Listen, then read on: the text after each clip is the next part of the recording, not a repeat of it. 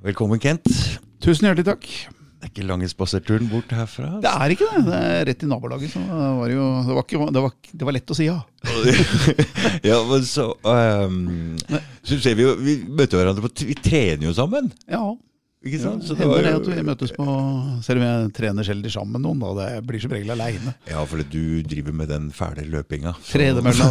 Tredemølla ja. Det, det er ikke noe for meg. Koronakroppen skal vekk. Det blei mye potetgull og TV under i de to åra der, altså. Ja. Ja, ikke bra.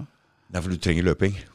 Du trenger Alltid- den alltid, typen. vært, alltid vært glad i løpet. Mm. Alltid løp veldig mye når jeg var i 20-åra. Da oh, ja. løper jeg hver dag. Jeg mil. måtte ha noe, en trillende ting foran meg for å løpe etter den. Ja, du har muskler, jeg har, jeg, jeg har kondis. Men hvis jeg ser en ball, så kan jeg løpe. Da er, blir jeg ivrig. Jeg tar ikke, jeg tar ikke på håndbak, men jeg tar deg sikkert på kondisen.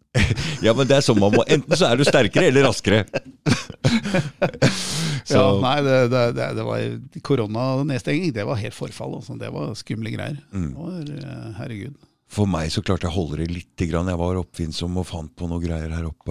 Ja, hjemme, ja. Ja. Mm, mm. Ja, nei, altså. Fikk noe greier på jobben med noe sementgreier. Som hadde stang med noe plastikk, sånne rør med noe sementgreier i de, og dreiv på. Så jeg fikk holdt det litt ved like, så det, um, det gikk. Men det der var ikke bra. Det gikk ikke bra. Nei, det var uh, håpløst. Uh, Vi ikke ha det igjen. nei, Du, du Kent. Ja. Ny bok, altså. Hæ?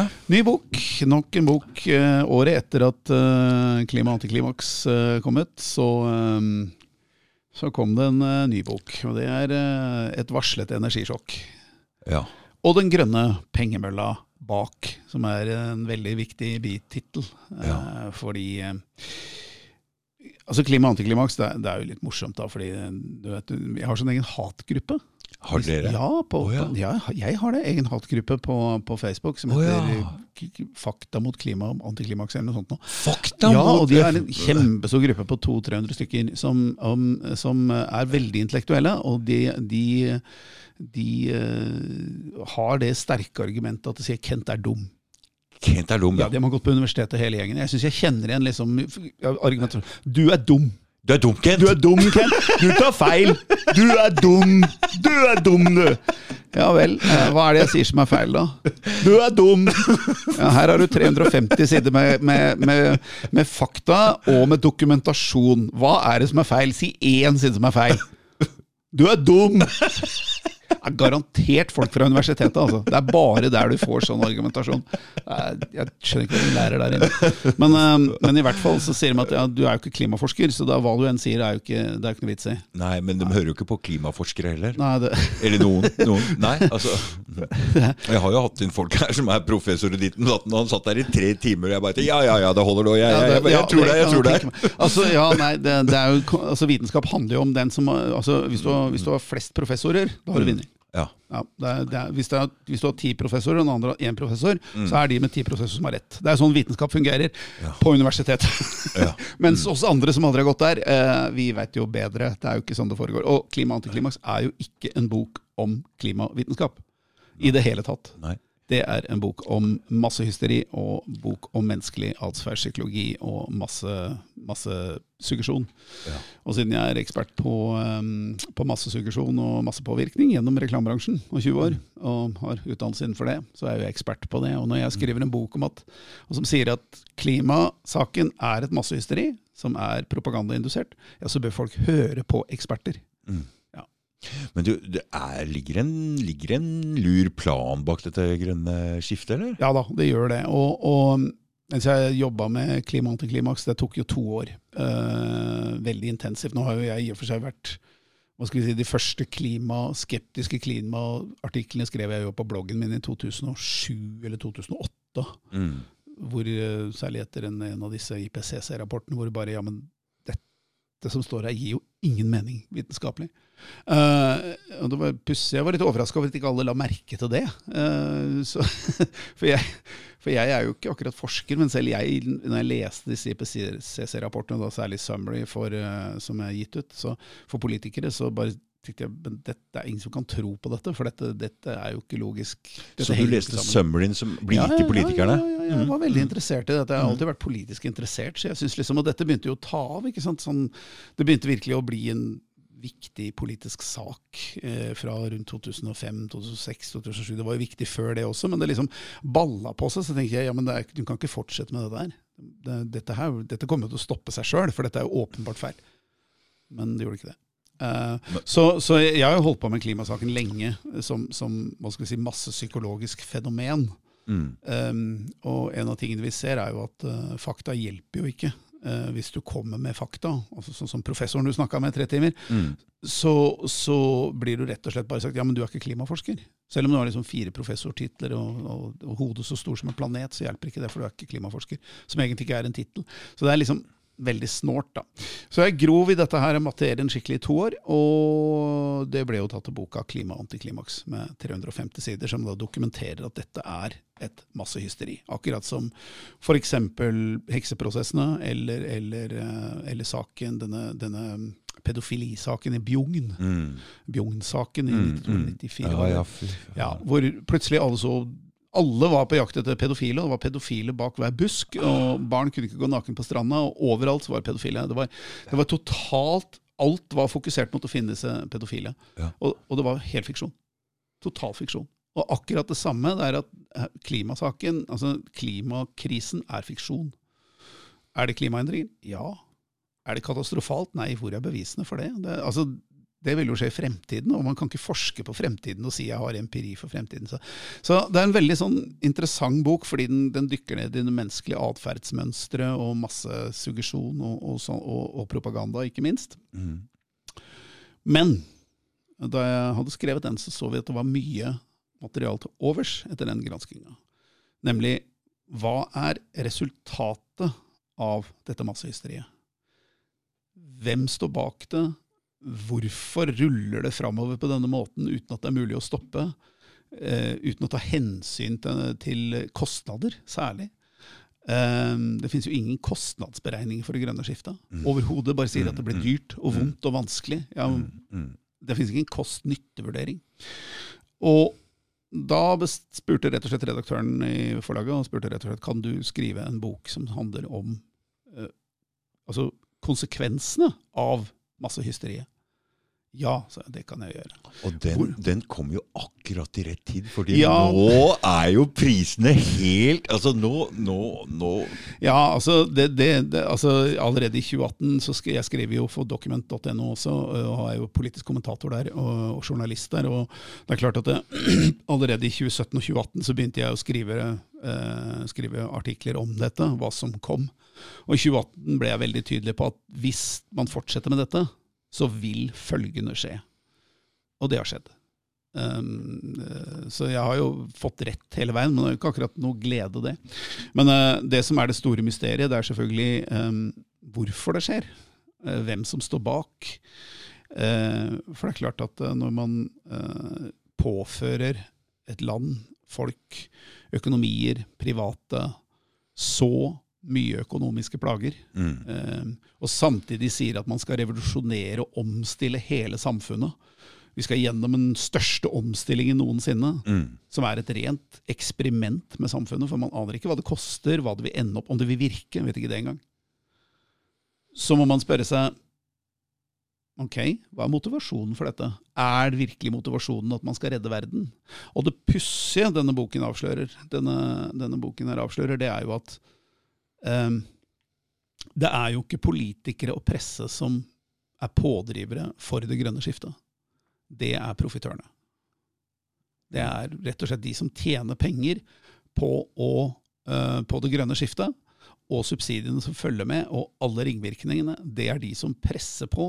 Det er de som har lobbyistene, det er de som har PR-folka, det er de som har musklene og de finansielle musklene for å gå løs på politikere og si at vi har løsningene, Kom og gi oss penger. Kjøp. Mm, mm, mm. Så alt tyder på uh, altså Det er jo det som gjør den boken, en bokbombe, og egentlig helt sensasjonell. fordi det jeg sier, er i prinsippet at normalt så skal politikere de skal styre Norge. De mm. skal bestemme hva som skal skje. Mm. Eh, de styrer Norge, så er det um, embetsverket som skal gjøre som politikerne sier, men gi dem råd uh, basert på fakta. Eh, sånn at politikerne tar riktige beslutninger. Og så er det næringslivet som må innrette seg etter dette. Mm. Og så skal pressen selvfølgelig passe på at alt fungerer, og, og prisen ikke går opp, og folk ikke blir rana, og, og penger ikke blir sløst bort. Mm. Sånn skal det foregå i et sunt, sunt samfunn. Men det eh, et varslet energisjokk viser, er at det er kapitalkreftene som styrer Norge. De styrer nemlig politikerne gjennom lobbyisme ved å fòre dem med tall eh, for vindkraft og solkraft og, og, og, og disse løsningene, klimaløsningene, som de tjener masse penger på. De fòrer politikerne med masse tall som er fake. Det er rett og slett ikke sant, det de sier. Og så baserer altså politikerne sine eh, beslutninger på de tallene fra de som profitterer på det. Så er det politikerne eller råd, politiske rådgiverne som svikter helt totalt her? Hva er Det det som er, foregår? det- det er det. Fordi også disse kapitalkreftene de er også inne i embetsverket. Og det gjør at altså, Vi kan se NHO. Hva er NHOs viktigste oppgave? Jo, det er å sørge for gode rammevilkår for sine medlemmer, som er næringslivet. Det er Næringslivets hovedorganisasjon skal sørge for at næringslivet ikke lider overlast av politiske beslutninger. Mm.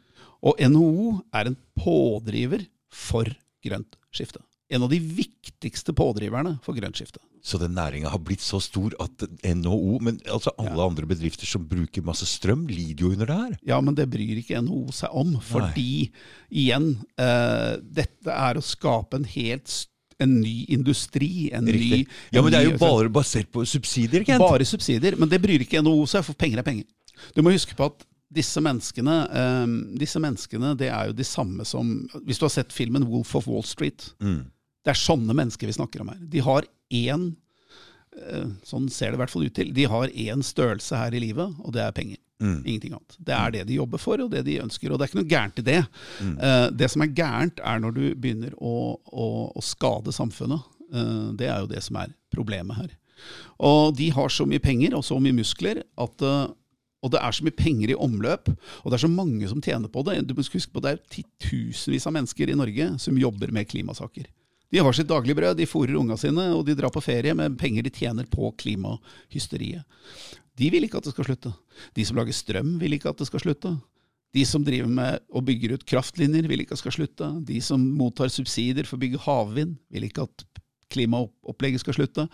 Altså Hastverket er også veldig viktig. Det altså, så det den boken viser, er at egentlig sikringsskapet til vanlige mennesker og småbedrifter og store, det er omgitt av fiender som vil ha penger. Og grunnlaget for det, og det starter jo boken med, det er jo Enron-skandalen i, i USA i 2001. Den var du innom i klima- og antiklimaksboka også. Det, Ja. og-? Ja, Den danner grunnlaget, altså den danner på en måte ideen og mønsteret for den, den, den pengemølla som er i gang i dag. Fordi det er skrevet en bok som heter uh, uh, The Smartest Men in the Room, Mm. eh, som handler om Enron-skandalen, som var en aksjesvindel som sådan, og det er jo én ting, det har skjedd mange ganger. Eh, også Mount Lehman Brothers i 2008 under den store finanskollapsen. Men det som var spesielt med Enron-skandalen, det var hva man baserte de aksjegreiene på, og det var energi. Og energi har den store fordelen at folk kan ikke klare seg uten. Hvis du gjør energi dyrt, Mm. Så må folk kutte ut på noe annet. Da må folk kjøpe billigere julegaver, de må reise mindre, de må kjøpe færre sko til unga sine. De må sørge for at unga ikke Da kan ikke unga lenger dra på, dra på sommerleir eller dra på Leos lekeland. Det har du ikke råd til, for du skal betale strømregning Mm. og fylle tanken med diesel. Du kan ikke klare deg uten. Og det betyr i prinsippet at hvis du klarer å lage et system hvor energi ikke har noe tak på prisen, Mm. så kan du tjene så mye penger du bare vil. Men du, um, Og det gjør de. det, Og det er akkurat det som har skjedd. når Tyskland har bygd ned både kullkraft og kjernekraftverk og sa nei til den Nord Stream 2-ledningen der, Mm. det er jo nødt til Og så får vi den konflikten i Ukraina som Mm. også og, men, så, så, men det kunne du ikke forutse. Nei, men altså, altså um, Det er jo det som er har gjort det akutt nå. Politikerne som har latt seg hva skal vi si, grume av disse kapitalkreftene og deres PR-avdelinger og, og lobbyister. Politikerne som har hørt på dem, og kanskje mottatt penger under bordet eller over bordet, eller en eller annen bror har fått en jobb, eller gud veit hva. fordi altså, det flyter over av penger. Dette er et veldig veldig korrupt system. Uh, uten at man egentlig kan bevise noe. Det er ikke små, det er ikke små umerkede sedler, liksom. Det er, ikke, det er ikke sånn det foregår i Norge. Det er tjenester og gjentjenester. Og det er klart at eh, alle som, alle som om, er omfattet av dette systemet nå, de vil jo ikke stoppe det. Fordi da må du for det første innrømme at du har vært dum. Da må politikerne si oi, søren, vi har, vi har, latt, oss, vi har latt oss overbevise av vindkraftindustrien om at vindkraft virker. Og det gjør det ikke. Og, og det burde vi ha forstått, fordi all dokumentasjon lå jo ute. Og i Norge, Det som er spesielt med Norge, det er at um, alle tallene som det grønne skiftet er bygget på, de kommer som sagt fra de som profitterer på det. Og det fins ingen uavhengig, fri, uh, offentlig instans som et, gjennomgår de tallene, studerer dem og sier ålreit, er dette faktisk sant? Kan virkelig havvind liksom har det, kan det produsere strøm 40% av tiden? Er, virke- kommer virkelig strømmen til å bli billigere? Kommer virkelig, Er vedlikeholdet så billig som de sier? Hvor lenge lever disse vindmøllene? Altså, det er ingen instans som tar disse tallene som kommer fra profitørene, og ser på dem og sier ok, dette påstår de, men er det sant? Hvordan kan systemet vårt ha blitt sånn som det der, Kent? Ja, det kan du lure på. Fordi i Tyskland så, øh, så har jo den tyske riksrevisjonen har jo gått gjennom vindkraftpolitikken til Merkel. Tre ganger, levert tre rapporter nå Ja. som slakter vindkrafta og sier at det som ble lovet, det er rett og slett ikke sant. Det funker ikke. Det er altfor dyrt. og Det leverer ikke, og det varer ikke så lenge som det skal. Så dette har ingen kost-nytteverdi for samfunnet. Men allikevel så tar altså eh, tyske velgere, og det siste valget nå, så valgte de en enda grønnere regjering. Og nå sier altså den, den grønne regjeringen i Tyskland vi skal satse på vindkraft. Oi. Så pengemølla som står bak, og høster da offentlige subsidier, eh, er egentlig ustoppelig, fordi det fins ingen kontrollinstanser. Og, du, nå, og, hvorfor, og hvorfor, er, hvorfor er klimapolitikk så viktig da? Hvorfor, er, hvorfor, har, hvorfor har NHO, som egentlig har profitt som sitt viktigste altså Bunnlinje er jo det viktigste tingen for NHO. Ja. Altså Hvis du driver bedrift, og du tjener en million, men det koster deg 1,1 millioner, går du konk. Mm. Så derfor er bunnlinje det viktigste for NHO. Men ikke nå lenger. Nå er det plutselig det grønne skiftet som er det viktigste. altså, men, men, du, nå går jo Tyskland konk. Altså, de får, Ja. Ja. Det, altså dette, folk skjønner ikke hva som er i ferd med å ramme dem, fordi pengemølla, alle som er involvert i denne pengekarusellen, denne pengemølla, de ønsker å høste ut mest mulig penger før det kollapser. De Før det kollapser, ja. Ja, for de vet, altså Sjefene i Equinor de skal jo bygge Hywind Tampen og, og havvind og satsinger og bla, bla, bla. Mm. Altså, disse sjefene vet at dette ikke virker. Ja. De vet at det er svindel. Det vet de. Altså alle som, alle som kan bruke en kalkulator, skjønner at havvind er svindel. Mm. Det er bare det at eh, Det skjønner ikke politikerne. Og politikerne er så fanget av den pengemølla, og tjener delvis penger på den også, så de ønsker ikke stoppe det. Alle vet, som er i denne loopen, de vet at det kollapser, kanskje forutenom MDG-er og folk med eggedosis i huet, som rett og slett ikke skjønner at dette er bare tull. Eh, De vet det kollapser, men det gjelder å helst høste ut så mye penger som mulig på kortest mulig tid. Og uten klimapolitikk så hadde ikke dette vært mulig. Fordi klimapolitikken skaper hastverk. Mm. Du kan ikke si at ålreit, greit, vi skal bygge et samfunn på vindkraft og solkraft med hydrogen som, som energibærer og batteribiler. Da sier vi at det gjør vi i Danmark. Eller vi gjør det på en eller annen øy i Norge. Så ser vi om det funker. Mm. Vi kutter av alle kabler, alt, all annen ting, så ser vi om det funker. Og da kan vi regne ut, bare gjennom interpolere, hva det vil koste samfunnet, Mm. om hva nytteverdien vil Gjør et være. lite forsøk først. Ja, et altså gjøre et lite Mm, forsøk. mm, Så rett og slett bare test. Du kan teste ut i Danmark. Ja. Bare for eksempel, Det kunne EU gjort. Mm. Men det kan du ikke. Tilfeldigvis. Fordi det haster så fælt. Du må gjøre alt på en gang. Over hele Europa. Ja. Er ikke det jævla convenient? Tenk så jævla convenient! Så uten, uten hastverket som ligger i klimasaken, Mm. så ville ikke pengemølla vært mulig å få til. Men i og med at hastverket ligger der, så blir, må alt gjøres på en gang. Alt må være stort. Alle de norske ferjene, som funker helt fint, de skal byttes ut. Ja, det der. De skal byttes ut. Og alle som sitter og bygger ferjer, de bare Yes! Har du lyst har. Tror du på klimasaken? Å ja. Er det hastere? Å ja. Har du lyst til å bygge ferjer? Å ja. har du lyst til å stoppe dette? Har du lyst til å tenke ansvarlighet overfor Nei, har ikke det. Har lyst til å bygge ferjer. Alle som profitterer på dette, de sier ja. Så folk er omgitt av fiender, rett og slett. Men, men, men, men Og og Norge er jo en særstilling, for vi har en del penger å dytte i subsidier, ikke sant? Endeløst. Endeløst. Endeløst. Men når du slår feil i sånne store steder som Tyskland, når de må legge ned faktisk Mm. produksjonen sin og, fordi det er for dyrt Og de har ikke råd til å følge dette. Ja, altså Vindkraftindustrien i Tyskland kollapset jo mellom 1918, eller 2018 og 2019. Da, da forsvant 40 000 jobber, og hele, hele industrien brøt sammen. Ja. Dette vet alle i Norge. Eller vet de det ikke? Nei, de vet ikke. Eller media kunne fått greie på det, men NRK vil pussig nok ikke skrive om det. Nei, for du, du sa noe oppe i stad, Kent, om uh, hva, hva media, journalister Hva, hva, hva har du sagt for noe? Nei, altså, i, uh, Dette er jo det som er den store bekymringen også. fordi altså, Dette ville heller ikke vært mulig med kritisk media. Nei. sier jeg, hva er det du holder på med nå?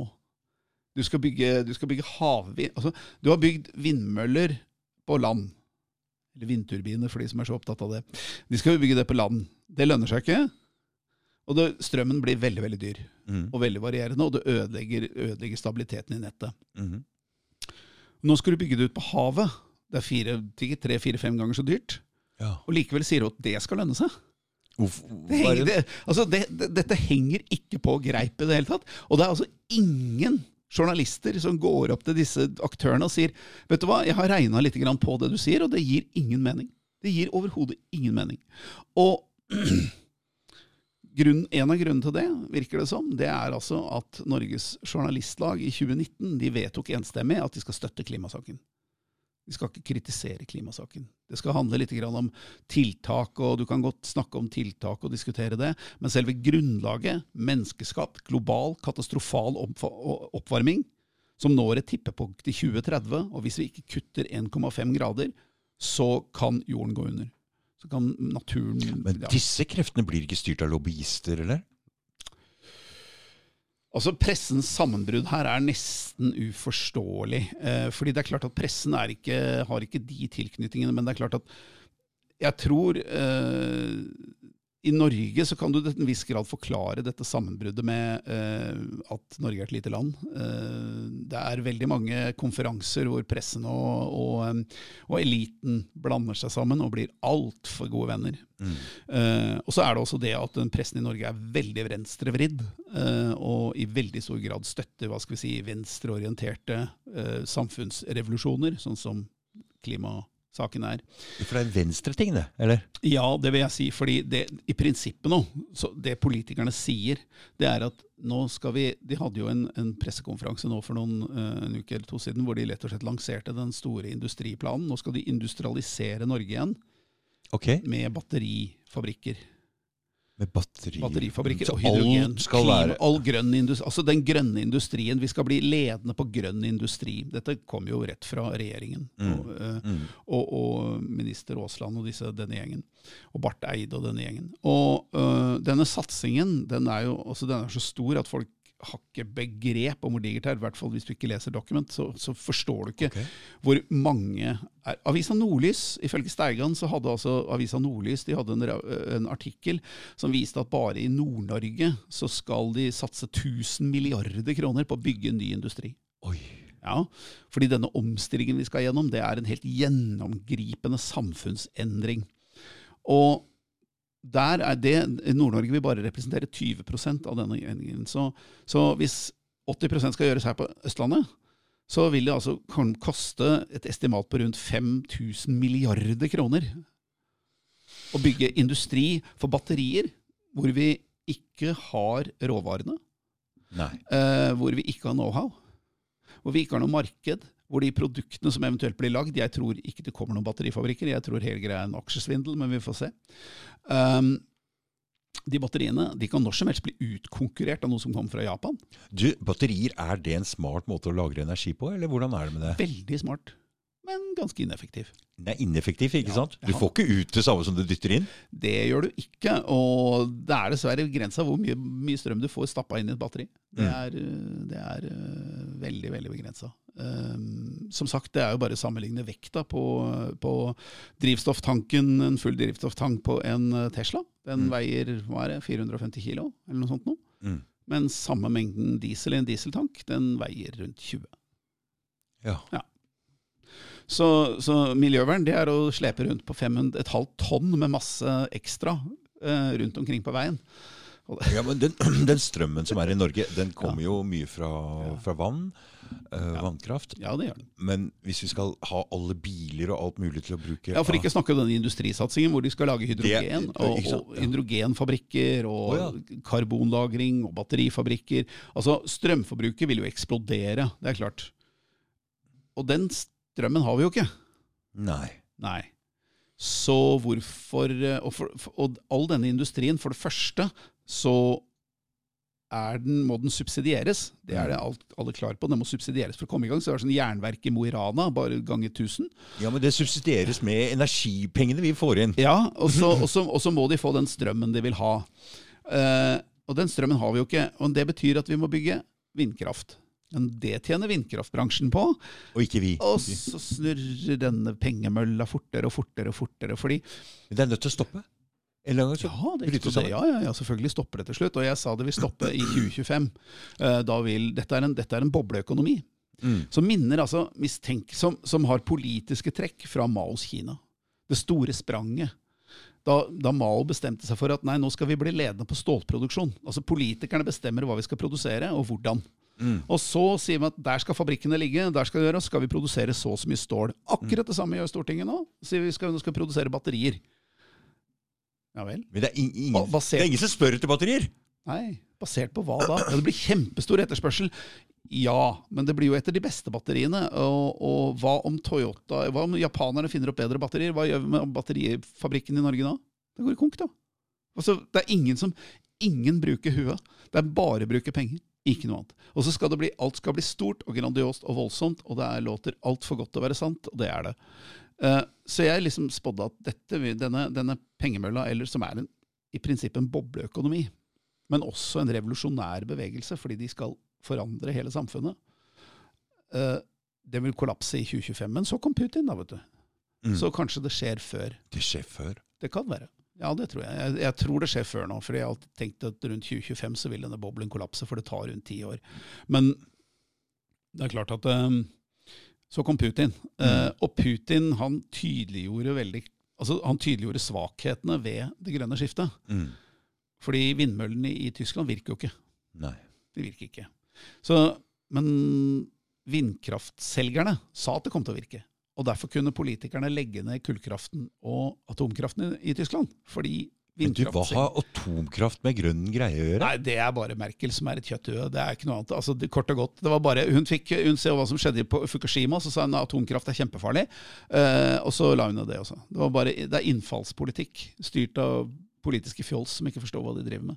Rett og slett. Det er den dummeste beslutningen som noensinne har gjort, men det ble nå gjort. Men det ble jo bygd en ny gassrørledning mot Russland. Altså, Ja, ja, altså Nord Stream 1 og 2 altså den finnes jo en fra stør, og Nord Stream 2 var i ferd med å bli bygget. fordi Så det var fordi- derfra de hadde tenkt å kompensere litt? Ja, fordi du vet når du legger ned kullkraft, da, da, da skjønner man jo at eh, ok, vi, vi, dette skal gå så jævlig fort, skjønner du. Mm. Så det gjelder å gjøre det veldig veldig fort. Men det tar litt tid å bygge vindmøller. Og Mm. bygge alle de vindmøllene, de 300 000 vindmøllene som trengs Ja. for å forsyne Tyskland med strøm når Mm. det blåser. Akkurat passe. Eh, eh, Ja for, resten skal komme fra, det er litt ukjent. Uh, og ja, for akkurat passe, Kent. Ja. Hvis det blåser for mye, så ikke noe strøm. Hvis det blå, ikke blåser, Ikke noe strøm. ikke noe sted å lagre. Nei. Altså, ja, for det er litt morsomt. Altså, du setter opp, du setter opp 10 000 vindmøller ute på havet. Det vil jo Equinor nå. Det skal være 10 000 vindmøller på havet fordi de blir lovt. Denne, denne svindelindustrien Norvea, altså, og, og vindmølleindustrien, som er internasjonal bransje, eh, er en globalistisk bransje, den ble lovet 10 000 vindmøller i Norge. Det får de ikke på land. Nei, der Nei. er det mye motstand. Ja, det, det gikk ikke så bra. Så da sier ja, men da flytter vi det ut på havet. Ja. Og så sier politikeren ok.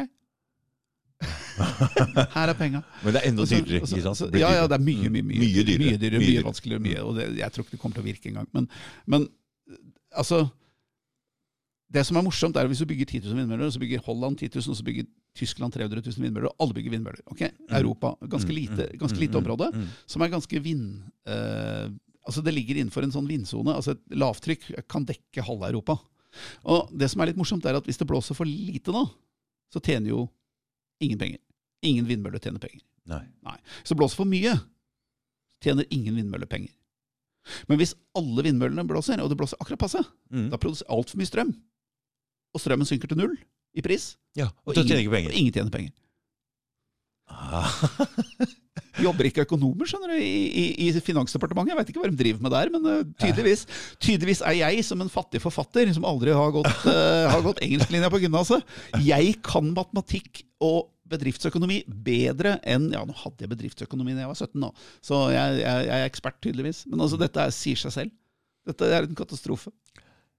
Men de vil ikke høre på deg. Men Nei. det er litt morsomt at Norge, som er foregangsland i det her, også har den største andelen, andelen med klimaskeptikere i folket. Ja, det er, det er jo fordi nordmenn kjenner det på kroppen. Altså, altså Nordmenn kjenner det på kroppen. Og ikke minst, det er ingen land i verden som lever nærmere på naturen enn Norge. Uh, og det er klart at uh, Nordmenn er ganske bofaste ofte. De, er- de, de, er, de er ofte knyttet til hjemstedet sitt. Og det er klart at når du har levd på 60 år på samme sted, Ja. Oppe i Nord-Norge eller her ja. i Og de sier at det blir varmere. og så sier de nå blir det varmere, Det er klima, store, og voldsomme klimaendringer. Ja. Da sitter du der og kjedesyret ute i stuen og sier Ja, hvor det er da? Hvor da, liksom? Jeg snakket med, jeg snakket med jentens oldemor, hun er 95 år. Ja. Uh, og hun hadde et bilde av seg selv uh, da hun var eh, seks år, eller noe sånt, er 90 år siden. Ja. Tatt på 17. mai. Ja. Og da ser du liksom at det er akkurat løvsprett. Mm. Det har akkurat vært løvsprett 17. mai for 90 år siden. Og i år så var det løvsprett 10. mai. Mm. Det, det er ingen forskjell. Nei. Og Yr sine data, uh, sine historiske data, hvis du gikk inn på de fram til 2019, så, eller 2020, så kunne du jo hente ut data for, for været i Oslo, og vær, temperatur, nedbør osv. osv. Fra, 20 fra, 2000 nei, fra 1945 og fram til 2019. Mm. Og jeg har grafene liggende, selvfølgelig, og publiserte dem også. Mm. Ingen forskjell. Ingen forskjell. Ingen forskjell. Ikke tegn, altså Det varierer litt fra år til år, men altså, det er ikke noe, det er ikke noe altså, Det de påstår, er at du er en voldsomt tydelig og klar oppvarming. Mm. Hvor da? Men du, du gikk jo bort fra global oppvarming til bare climate change. Climate change, ja. ja, ja, ja, ja, ja, det, du vet, ja Semantikken er uhyre viktig, så du ikke sier noe, sier noe gærent. Dette handler om semantikk. For det ble jo ikke varmere. liksom. Nei, det ble, okay, vi bytter altså, litt på det ordet. Jeg bytter litt grann på det. Fordi, også, også har men altså, hvor mektig denne, denne politiske bevegelsen er, for dette er en politisk bevegelse, men den er drevet av kapitalkrefter. Det er jo det som er det interessante her. Denne politiske bevegelsen, de tror at det er de som styrer seg selv, men det er det ikke. Det er kapitalkrefter som dytter egentlig klimasaken fremover, gjennom å lage stadig nye klimaløsninger. Men de, den venstresida de- som er veldig på det her, de tror jo at de går imot kapitalkreftene og mot Ja. ikke sant, Det er det de tror. De at de, de skal redde verden. de ikke sant, De samarbeider med kapitalkreftene. Altså, de løper Lehman Brothers anno 2022 sitt ærend. De er de nyttigste idiotene for samme type mennesker som jobba i Lehman Brothers i, i 2008. Nemlig de som jobber i klimaløsningsbransjen i dag.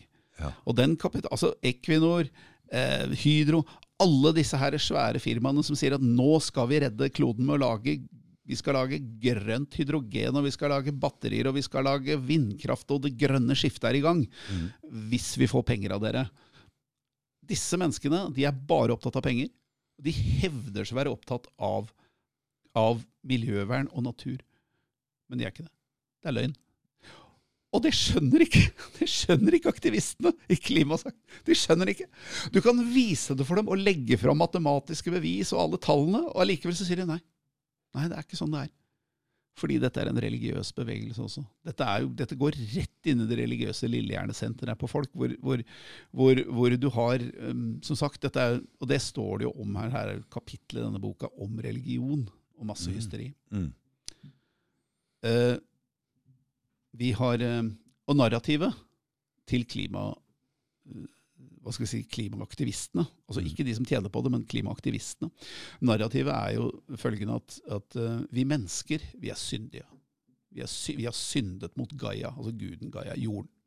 Vi har syndet mot jorden og brukt og spist av oljetreet. Ikke sant? Mm. Og vi forsyner oss grovt av oljen. Mm. Og det gjør guden Gaia vred.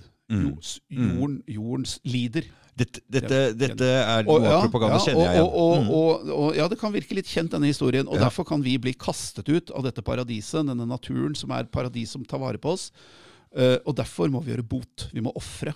Vi må ofre noe. Aha. Ja, vi må ofre noe. Vi må ofre oljen. Og, og si nei til oljedjevelen. Vi må ha det vondt. Vi må, og og det, det blir lidelse og vanskelig, men Ja. det må vi, vi må si nei til djevelen, og det kan være vanskelig. Mm. Eh, men hvis vi gjør det, så vil guden Gaia, jorden, den og naturen vil tilgi oss. Og så vil det komme et grønt paradis i fremtiden. Mm. Det er narrativet. Mm. Og, og folk ler av meg nå, eh, men folk tror på dette, fordi underbevisst så kryper denne historien inn i, i sjela til folk. Mm. Og, og folk har alltid vært redd for fremtiden og uår og sult og nød og, og vanskeligheter. Mm. Og ingenting altså, I tusenvis av år har folk som kommet og sagt at jorden er i ferd med å gå under. Mm. Men hvis dere gjør bot og gir meg litt penger, da kommer et paradis. Mm. Det er sant, Kent. Jeg har ikke tenkt på det på det men, men det er noe, det er noe Dette er religion. Ja. Dette er rett og slett en Dette er en, dette er en miljøbevegelse som utnytter folks religiøse instinkter, fordi alle mennesker er religiøse, som jeg skriver her sånn. Veldig interessant for øvrig, sånn psykologisk. Eh, de skjønner ikke sjøl, men de er det. og veldig svak for denne her, denne her eh, eh, synd, bot, belønning-greia. Og, og, og menneskeheten har instinkt for å ønske sikkerhet, trygghet for fremtiden, og finne noen som kan garantere at i fremtiden, da, da blir, kommer paradis, bare du gjør sånn og sånn og sånn, så blir alt bra. Presteskap, hele den katolske kirke er bygd opp på dette. Alle, alle presteskap, alle, alle, alle geistlige, all geistlighet handler om å utnytte dette her, her sånn. Altså, paven i Roma, de, de lover liksom, bare gjør som jeg sier. Og så sier 40 Hail Mary, så kommer, da blir du tilgitt, og så blir, kommer du til paradis. Men bygningene de sitter i på Petersplassen, Ja, ja. det er ikke akkurat ei rønne! Nei. Kan være litt lønnsomt.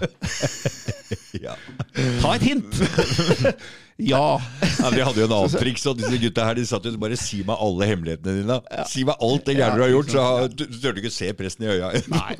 Og jeg, og jeg, jeg lurer jo ærlig talt på at, at uh, siden den norske, den norske den norske eliten er så samrøra og kjenner hverandre så godt. Mm. Jeg lurer jo på om, om det faktisk fins, hva skal vi si eh, Det er mye festing. Det er mye børst. Mye god børst. Mye kokain. Mye ditt, mye datt. Eh, mye fest og stas. Og det spørs om ikke disse folka har noe på hverandre, altså. Det spørs, det.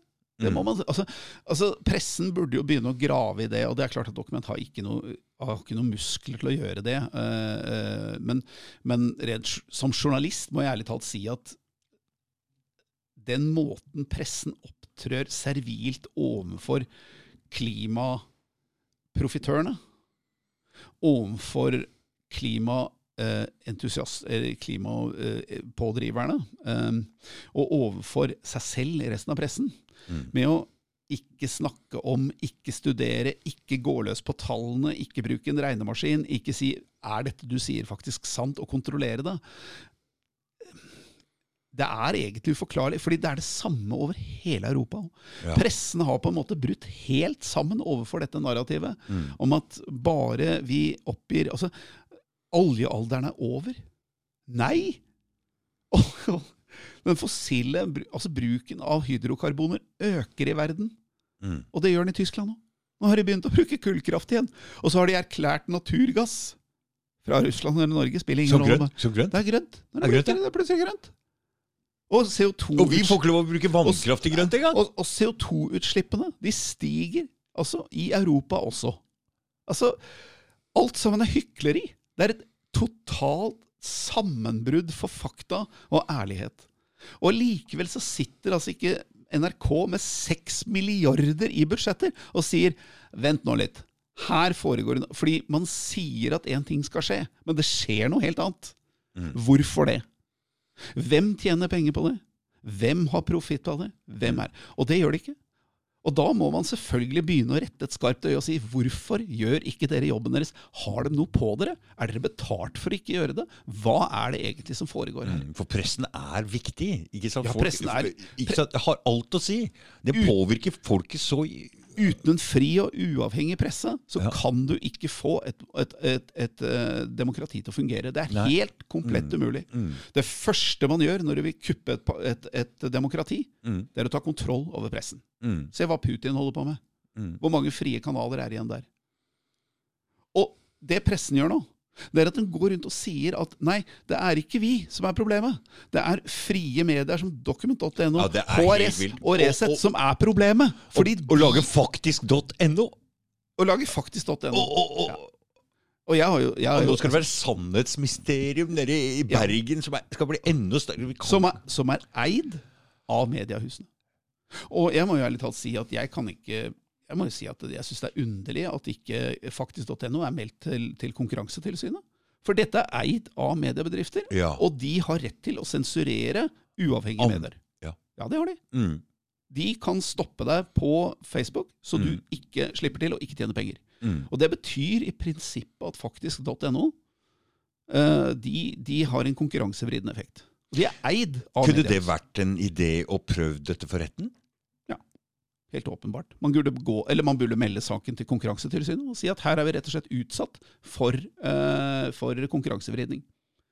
Det er helt ubestridelig. Altså, altså TV 2-sjefen, eh, hun som er nyhetssjef i TV 2, som var kjæreste med Batti, litt dårlig smak på menn der. Men, men, men. Det er jo gjengs i eliten. Man har jo Jeg tenker jo stadig vekk på Sonja, som tenker oi, oi, oi, han der eh, Ari Behn, han han han var litt sær. Men, men, men. Det var trist at han døde, men nå ble han borte. da, så nå, sikkert, nå, kan ikke, nå finner han seg sikkert en skikkelig kjæreste.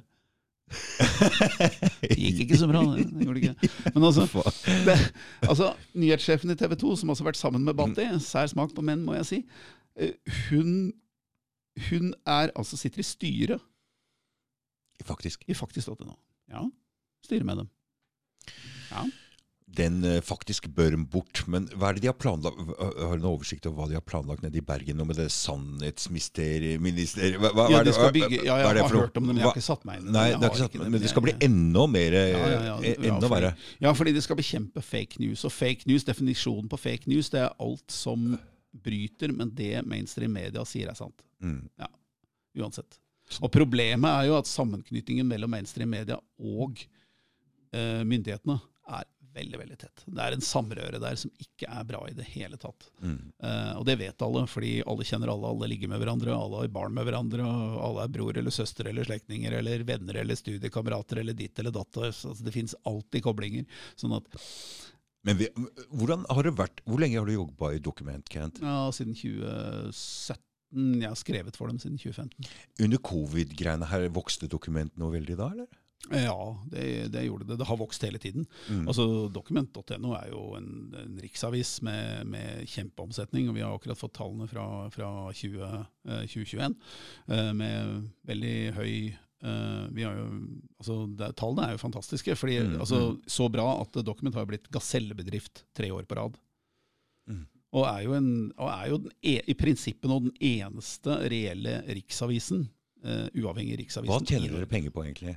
Er det betalingsmur der? Nei, det er ikke det. Jo da, Reklame? jo da. Det er, det det? reklame, betalingsmur, Mm, alt, som de andre. Men så tjener vi selvfølgelig også på, på forlaget og, og ja, altså donasjoner og VIPs og det er, Mm, det er mm, eh, Men eh, sånn som alle andre. Du må klore til. Men nå har jo Document også søkt, søkt pressestøtte. Åh. Ja, Nei, Man er rett og slett nødt til det. Men kan Eh, dere få det? det er vanskelig å se hvordan de skal si nei, på hvilket grunnlag, men eh, vi får se, da. Mm. Altså Det som er, er at eh, denne boken er sånn. Du har jo denne NFFO, Norges eh, forfatter og eh, oversetter ja, Norges fag, fag, fagforfatter og oversetterforbund. Hva er det det heter? NFFO. De, de har jo sånn støtteordning for folk som driver med skjønnlitteratur. Mm. Denne boken ble nektet støtte. Mm. Den har solgt i fire opplag. Den nærmer seg femte opplaget. Denne boken, som er kanskje den viktigste boken som er gitt ut i år, som er den mest brennaktuelle saken. Det er den. Som er, er helt så. Den kunne ikke possibly vært mer brennaktuell. Skjønnlitterært så er dette den viktigste og riktigste boken i Norge i dag. Den ble nekta støtte.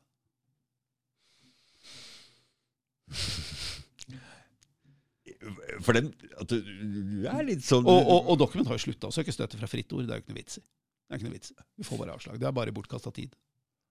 Hva er fritt ord, egentlig? Fritt Ord er jo denne Dette er jo en, en organ... Altså, de sitter Men det er ikke helt fritt.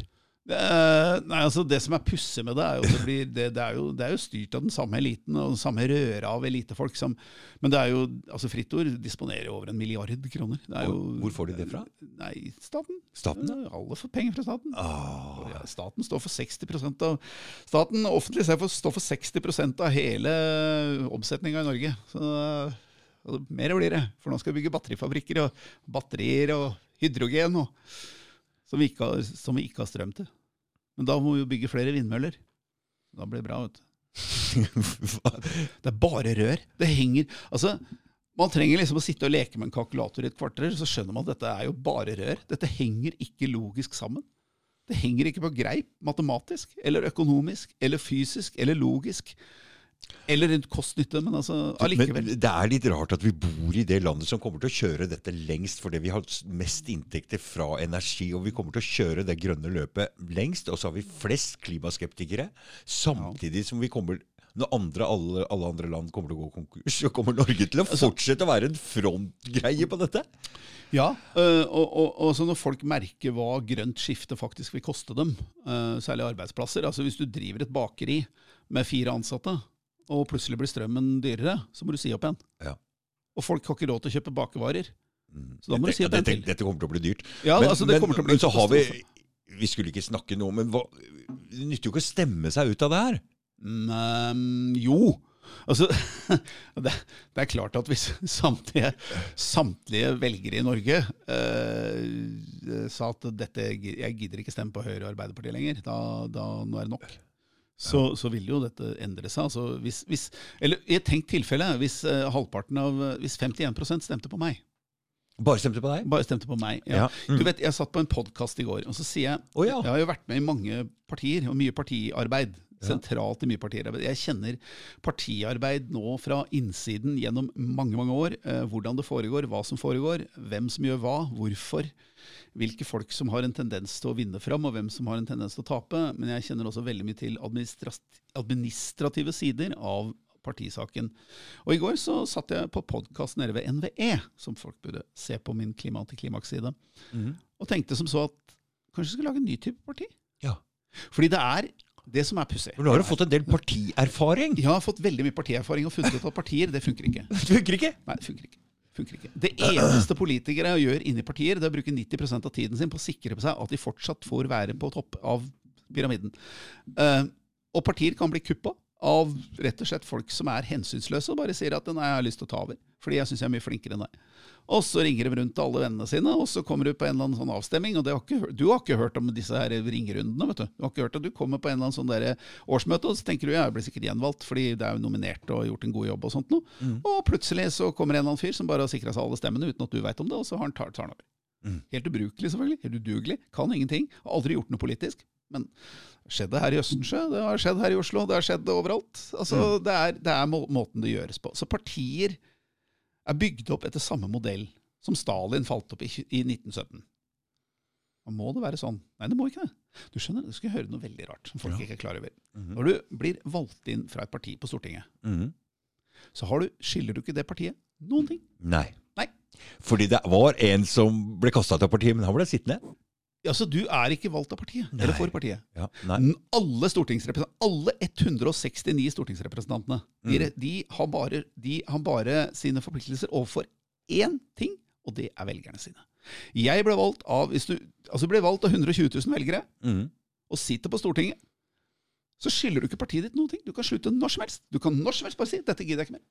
Jeg vil jobbe for meg selv. Jeg vil være selvstendig. For alle stortingsrepresentanter i Norge er selvstendige. De er det. Mm. De er selvstendige. Men så kommer disse partiene som selvfølgelig kom i langt etter at Stortinget ble oppretta. Mm. Alle som starta Stortinget i Norge i, i, i 1814, Ja. De var uavhengige. Fantes ikke partier i 1814. Nei. Nei, de første partiene kom mye seinere.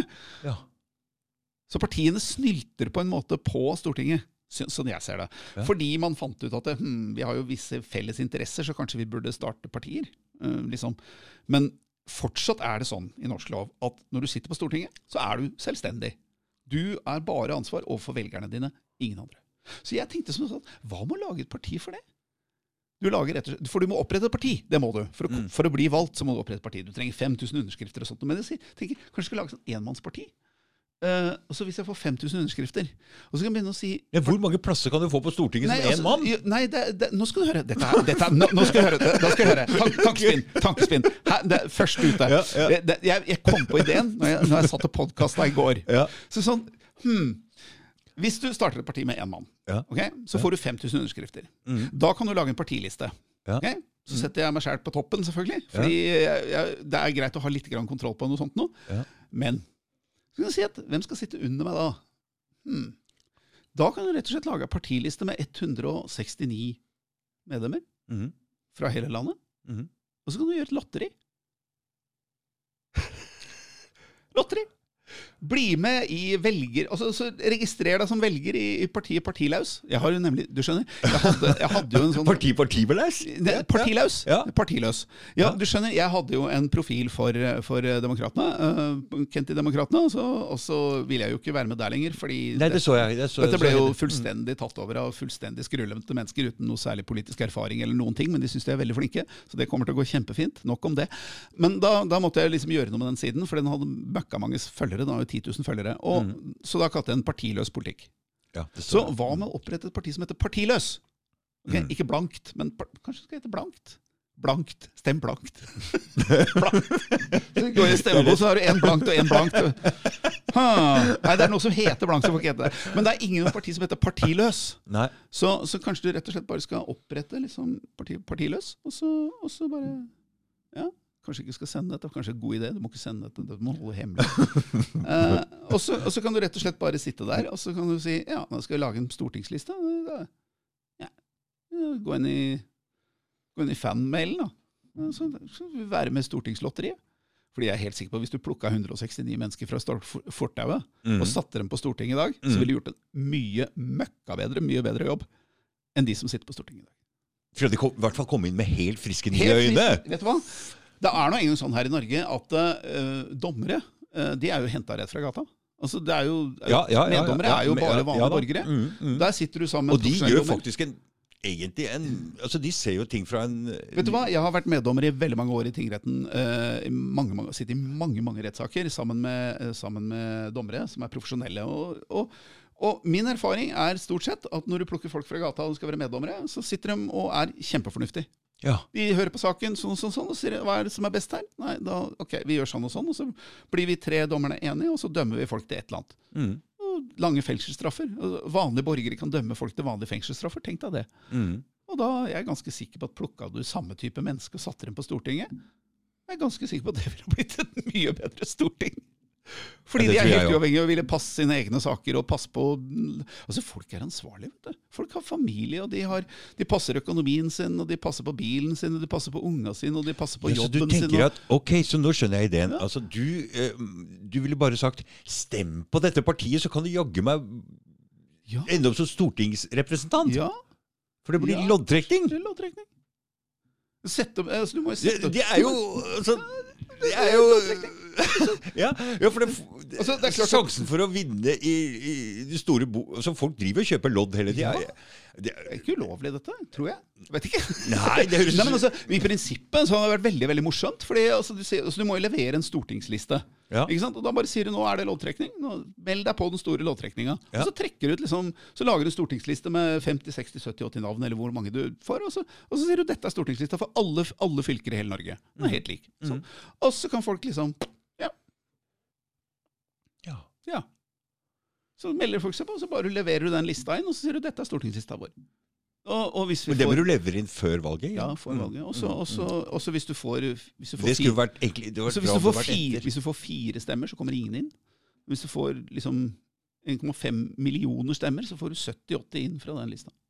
Og da får du helt vanlige folk inn på Stortinget. Og så, og så sier vi partilaus tilhører partiløs. Har ikke noe parti. Jeg jobber for velgerne mine, ikke for partiet. Tror kanskje det ville vært en idé. Mm. Mm. Mm. Kanskje det hadde vært noe. Eh, når er valget? Eh, 2025. Folk spør meg hele tiden hva er det vi skal gjøre for noe. Hva er det vi skal gjøre? Og så sier jeg, vet du hva uh, Det første nå, det er å dele. Og så sier man, kan, kan man ikke protestere? Jo, protestere i vei, sa jeg. Men altså, du må huske på at de som sitter med denne kapitalkreftene, de som sitter på Stortinget, de som, de som er i pengemølla, Hjelper ikke. Politikerne, aktørene rundt, eh, profitørene, eh, NGO-ene, eh, også disse organisasjonene som tjener penger på fosser jo inn penger i klimapenger og støtte. Alle disse her sånn, de, de, de er jo ikke De bryr seg ikke om deg. Det er jo ikke det er ikke De skal bare ha mer og mer penger ut av denne galskapspolitikken. Og mm, ja, nei, altså, jeg tror eh, Du får ikke stoppa det. Um, og sånn som det er nå, at, at hvis du De har ikke til å stoppe. Og de sitter med makta. Mm. Og du kan selvfølgelig samle 100 000 mennesker ut på Stortinget som roper rasende over, over høye priser. Og de kommer til å se på og si OK, I don't care. Mm. Jeg tjener Ja, det penger. tror jeg også. tjener penger. Så det hjelper ikke nå. Uh, og så sier folk ja, men kan du ikke, kan vi ikke, hvorfor er det ikke mistillit? Så sier jeg det hjelper ingenting, fordi Stortinget er jo levd av partiene. Sånn at uh, der er det jo flertall for Arbeiderpartiet-blokka. Så hvis noen stiller mistillit, så vinner jo flertallsblokka, fordi disse partiene holder sammen. Mm. Så da får du samme regjering om igjen. Ja, det er samme, Eh, samme og i. Norge så kan du ikke skrive et nyvalg. Det går ikke. Du kan jo ikke skrive et nyvalg i Norge.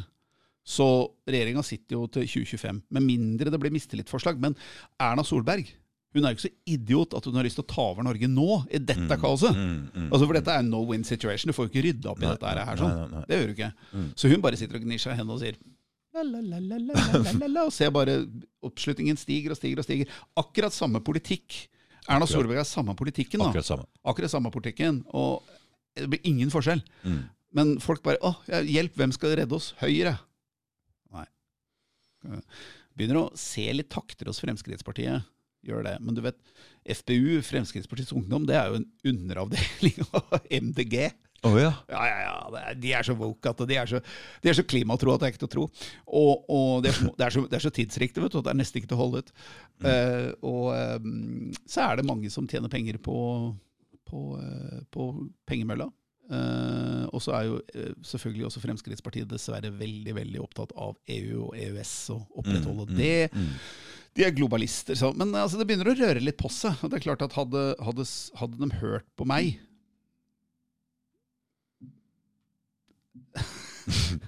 hadde, de- hadde de ansatt meg som rådgiver og hørt på meg, Mm. så ville Fremskrittspartiet vært på 30-40% nå. Men det ville jo fortsette med denne galskapen istedenfor. Altså, ja, det ja. Men Siv Jensen var jo Men jo verre dette blir, jo mer moden blir folk for å få en forandring her. Og dette kommer til å bli ganske Ja da, ille. men altså Men du, Kent, når vi satt oppe i stad, så begynte jeg å prate om disse bøndene og den streiken i, i, i Holland. Og da sa han nei, nå går vi ned. Hva, hva, hva, hva er det egentlig som skjer der? For dette har også med det grønne skiftet å gjøre. Ja, altså det, det, det, det, det skjønner kanskje ikke bøndene sjøl, men det er klart at eh, når, eh, når Altså, de protesterer jo ikke av høye dieselpriser på traktoren sin. Det er jo fryktelig pussig, for det burde jo bøndene gjort for lengst. Eh, eller høy strømpris. De protesterer på et klimakrav om at, um, om at uh, man skal kutte ned på nitrogenutslipp. Ikke sant? For dette er jo også miljøgrønn, bla, bla, bla. bla, bla ikke sant? Og da har da Dyra må bort. Og Nederland er ubegripelig tettbebodd. Der er det trangt. Mm. Mye folk, lite plass. Mm. Og flatt. Veldig flatt. og um, eh, da har hun funnet ut at, eh, at ehm, det er altfor mye nitrogenutslipp fra landbruket uh, pga. kunstgjødsel osv. Sånn kan man ikke ha det. Så man kutter ned med 30% Det setter mål. Du vet, Politikere setter seg mål. Vi skal sette målsetting. Og ja um, eh, Da sier bøndene at hvis vi skal gjøre det, så går vi konk. Og da sier, da sier politikerne ja, men det er kjempefint, fordi da blir det færre bønder og mindre, mindre landbruk. Så da får vi oppnår vi målene. Ja. Men du vet, folk er ikke så veldig glad i å drive et familiegård i, fem, i 40 år, og så kommer det en eller annen politiker på 27 år med ne fingeren i nesa og prediker grønne verdier, og sier at nå skal vi, nå skal vi ta fra deg gården din. Folk blir litt sure for sånne ting. Mm. Litt, kan bli litt sårt, Mm. kanskje. Mm. Ja. Det som forundrer meg litt Så da, så da tar de traktorer på fem tonn ikke sant, og kjører rett og slett og stopper. Og dette eskalerer fordi de utløser en misnøye som er generell i samfunnet, og som finnes overalt. Altså misnøye med dårlig politikk, som jo er veldig stor grad basert på globalisme og klimasaken. Og globalisme virker heller ikke. Altså det, er å, det er å invitere til gilde eh, med, uten å få noe tilbake. Altså, og det ser vi jo på EØS, som er et klassisk eksempel. Norge gir og gir og gir, men, mens EU tar og tar og tar. Altså EU de leder 0 013 000. Hva, hva mener du, leder? Nei, de har fått gjennom 13, Er det ikke 13 000 forordninger og lover og regler de har fått gjennom i Norge, mens vi har sagt nei til null? Så EU leder. Det er stillinga 13 000 null eller noe sånt. nå. Og tenk på et tall. Og det er klart at man, man snakker om samarbeid med EU. Hva slags samarbeid er det? Mm. Eh, vi skal lage lovene dine, og dere må gjøre som vi sier, og så skal vi ha penger av dere for å gjøre det. Hva får vi, da? Ja, dere får markedstilgang. Eh, Det hadde vi før EU oppsto. Det kalles handel. Hva, hvor, Og vi, har det mest, og vi har det mest interessante greia What? som er eh, Vi har jo energi, så det, det er jo Ja, avhengig altså, altså, det, altså, det, er helt, det er helt koko. Hele, altså, hele greia er helt koko. Det er, det er en, enveisavtale som aldri skulle vært undertegnet, og som sørger, selvfølgelig Norges befolkning sa nei til to ganger. Mm. Så, så det er denne globalismen den gir bort land eh, til store, større og større hva skal vi si, maktkonsentrasjoner. EU er et imperium. World Economic Forum er en privatperson, en båndskurk som i prinsippet har lyst til å styre hele verden. Og disse menneskene de, de, de vil bare ha mer og mer makt. Og resultatet av det er selvfølgelig at folk får mindre og mindre. Dårligere og dårligere kår. Renta stiger. Uh, inflasjonen stiger. Lønningene står omtrent stille. Mm. Velferden blir delt på, færre, på flere og flere mennesker. Den lille velferden som er, den skal deles på flere og flere fra hele verden. Mindre og mindre til hver. Kutter ned selvfølgelig på salderingspostene. Det blir politi, eldreomsorg, sykehus, militære, brannvesen. Sånne ting. Det kuttes ned på, fordi du skal ha mer og mer penger til denne her uh, greia. For det kuttes i alt. kuttes i alt. Skoler. Alt, alt sammen. alt. Og folk blir drittlei. Folk blir drittlei. Altså, du bygger et regjeringsbygg på 36 milliarder kroner til deg sjæl. Mm. Men du har ikke råd til 12 milliarder i tannbehandling for hele befolkninga. Det er for dyrt. Mm. Du kan, ikke, du kan ikke sette ned diesel- og bensinprisene, fordi da stiger renta. Men du kan bruke, du kan bruke 1000 milliarder kroner på å bygge industri med, med, med subsidier. Det kan du gjøre. Mm. Altså, det de sier, det er bare bullshit. Og pressen gjør ikke noe med det. Og, og folk blir lei, fordi folk kjenner at ja, men det du sier, og det jeg opplever, det er jo ikke sant. Det, det henger ikke sammen. Og så blir folk forbanna. Men det skjedde jo allerede i Frankrike under gule vester. Så bondeopprøret i Nederland det er egentlig bare en avart av gule vester. Det er samme, samme oppgittheten over dårlig politikk og dårlige politikere. Det ligger og ulmer litt i hele Ja, det Europa, ulmer noe dette. forferdelig. Det ulmer noe forferdelig. Det gjør det.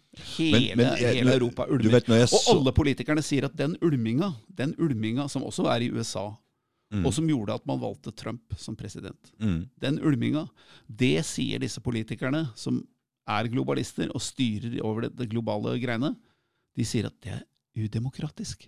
Mm. Folket må oppføre seg her. Ja. Det er antistatlig. Ja, det er antistatlig holdning. Jeg ble stoppa. Jeg, ble stoppa. jeg, jeg satt utafor Statnett. Jeg, jeg var rett og slett ikke klar over at PST holdt til ved siden av. fordi jeg, satt under en busk og satt der og babla, så kommer en politimann fra PST bort til meg og bare Jeg bare øh, Ok, øh, hva? Hæ? Å ja, er det PST? Ja, det var kanskje litt tanketomt. Uh, jeg har jo ikke øyne i hodet. Helt idiot. Folk må ikke høre på meg. Og så Og så tok de liksom førerkortet. Jeg satt nå der. Så måtte, oh, ja, jeg, måtte jeg, flytte, jeg måtte flytte meg, da. Ja. Så jeg måtte flytte meg nærmere Statnett og liksom bare filme Statnett. da. da akkurat når jeg var ferdig, så kom en vekter ut og sa må ikke filme Statnett. og får ikke lov til å... Jeg bare, gud. Ja, nei, så, så, men denne ulminga, det er jo dette som er veldig veldig interessant, fordi eh, denne misnøyen, angsten, Ja, for det er et slags angst. søvnløsheten, som dårlig politikk Mm. har påført europeere siden murens fall i 1989, da egentlig globalismen og sosialismen slapp løs fra muren og rant utover hele Europa. Eh, denne angsten, denne fattigdommen, denne energifattigdommen, denne håpløsheten og avmakten. Eh, Avmakt er det farligste du kan ha, farligste følelsen i et, eh, i et, i et eh, samfunn. Fordi mennesker med avmakt de har ikke lenger noe å tape. Og mennesker som ikke har noe å tape, de kan gjøre hva som helst. Og det er det som er så skummelt. Mm. Da begynner volden. Da begynner at folk gir faen og bare sier vet du hva, jeg bryr meg ikke om hva som skjer med meg. Jeg bare slår til. Og Det er det, er det som er så farlig. Denne avmakten, denne, denne ulmende greiene gjør at man må ha mer og mer sikkerhetssystemer, mer og mer politi, Mm, mer og mer mm. overvåkning, Ja. mer og mer kameraer. Samtidig som politikerne står som idioter på skjermen og smiler og sier 'samhold'! Mm. Og de fjerner seg mer og mer fra folk og er mer og mer redd for å gå ut blant folk, og de må ha beskyttelse. Og denne, denne avmakten som dårlige politikere skaper med dårlig politikk, den kaller de politikerne for udemokratisk. Mm. Og det er i prinsippet, sånn jeg ser det, en revolusjonær bevegelse. Dette er en, dette er, det, og det, er, ja, det, det står jo her sånn, dette er elitens revolusjon. Det er en omvendt revolusjon. Det er ikke Mm. folket som vil velte eliten, Nei. det er eliten som vil velte folket. Mm. Og det er det som er i gang over hele Europa. Du, når jeg så hva slags halvveis tanks politiet i, Nederland kom med, så tenker jeg de har vært forberedt mot sin egen befolkning. Altså, de har liksom Gule vester, Freedom Convoy, Trump-rallies, eh, traktoropprøpere i, i Nederland. Dette er, dette er eh, hva skal vi si, gjenspeilinger av det samme mm. politiske avmakten som Mm. bobler og syder i europeisk eh, befolkning. Mm. Fordi eliten kjenner ikke disse problemene, føler ikke disse problemene, har ikke disse problemene. Disse menneskene de er globalister, de har trygge jobber, de tjener bøttevis av penger. De er et adelskap som rett og slett kan gjøre hva de vil med samfunnet sitt, fordi det spiller ikke noen rolle for dem hvor de bor. Til og med. De Mm. kan jo bare flytte et annet sted. Mm. Fordi jeg føler meg global. De bryr seg ikke om landet sitt, de bryr seg ikke om kontinentet sitt, de bryr seg ikke om kulturen sin, de bryr seg ikke om folket sitt, de bryr seg ikke om økonomien sin. De bryr seg bare om sine egne politiske planer og, og planer og, og visjoner, og vil ha dem gjennomført, koste hva det koste vil, for andre menneskers penger. Det er et selvutviklingsprosjekt, denne revolusjonen. Og det handler bare om meg og meg og meg og meg. Og se på meg og jeg og meg og meg. Fordi det kommer til å bli kjempefint, bare vi får bygd, brukt 5000 milliarder, eller hva vi får brukt på å bygge ny industri i Norge. Visjoner. Og jeg sier alltid at folk med visjoner burde få huet sitt undersøkt. Og de er ikke egna til å styre en robåt engang. Hvordan er det dette krasjer, Kent? Du sa 2025. Ja, Du sa litt før Altså, nå. ja, altså, på fremst- hvilken måte? Ja, Først og fremst er dette en bobleøkonomi. Uh, det er det jo. Um, og bobler krasjer alltid når um, kapitalkreftene som står bak uh, bobleøkonomien, uh, innser at det ikke er mer penger å hente. Da tar de penga og løper. Det gjør de. Det som er forskjellen fra denne boblen til, til altså Hvis vi sammenligner Lehman Brothers uh, og, og, og um, denne boblen i 2008, Mm. Subprime-lån, Mm, mm. og alle skulle kjøpe Alle skulle få Altså, Island skulle bli Island skulle bli verdens bankhovedstad. Ja. Ja. Eh, Kredittilsynet i Island Det besto av eh, x antall mennesker, en hel haug med mennesker. Og til slutt så hadde bankene kjøpt opp alle sammen. Jobba nesten ingen der lenger i Kredittilsynet. Fordi alle hadde gått over til bankene, for der tjener de mer penger. Altså, disse, denne, denne, denne, boble, denne økonomiske boblen den var finansiert av private penger. Ok? Så det er private som går inn i denne sirkelen av, av, eh, av børs og, og av børssvindel og børsbobler. Og så investerer de penger i denne børskarusellen, og så henter de ut penger når, når til slutt. Og så blir aksjeverdiene større og større, og større, og større, for det er bare fiksjon, selvfølgelig. Mm. Og til slutt så stopper det. Fordi det stopper føles Altså Da sånn tulipankrakk. Ja, det blir tulipankrakk. Altså alle krakk er fulgt samme greiene. Det, Mm. det blir så så stort. Og så sier alle investorene eh, nå, Hvis vi ikke selger oss ut nå, så taper vi alle pengene våre, og da selger de seg ut. Der, Ja. Forskjellen på denne, den bobla og klimabobla i to, 2022, det er at kapitalkreftene De har fått det offentlige til å investere. mm. Og risikere penga. Mm. Det er ikke lenger private som risikerer sine penger på en børskarusell. Mm. Det er De har fått politikerne til å bruke offentlige penger til å investere i denne børsbobla. Og utenlandske kapitalkrefter kommer også til Norge, for det her er det meste å hente. Ja, fordi her altså hvis du Ta en vindkraft... Lettest å lure, lettest mest å lure. penger. Ja. Ta en vindkraftkonsesjon eller en batterifabrikk. Mm. Du sier jeg skal bygge en batterifabrikk. Vi har dannet et AS, AS Batterifabrikk. Mm. Okay? Mm. Og det skal bli fantastisk, og 3000 jobber. Uh, og da har du to valg. Du, kan, en- du må selvfølgelig risikere dine egne penger, det er det vanlige. Mm. Jeg risikerer så som har penger, og hvis dette går gærent, så taper jeg penga. Men da kan du selvfølgelig blåse opp verdiene og ljuge og si at det blir stort, og se så fantastisk det blir, og så kommer noen og kjøper aksjeposten din, og så løper du til Cayman Island og ler hele veien til banken. Mm. Det er det som foregår i en børsboble. Og til slutt er det noen som taper, og det blir som regel vanlige folk. Fordi i Lehman Brothers eh, så fikk man henta jo ut pensjonspenger for folk, folk sparepenger, folk Alle sammen Mm. investerte, ikke sant? Alle Mm. investerte i dette Mm. subprime-lånet, ikke sant? De henta ut penger. Private investorer. Men der er det begrensa med penger. Mm. Denne bobla, klimabobla som jeg kaller dem, som pengemølla står bak, den klimabobla den er drevet av offentlige penger som investerer.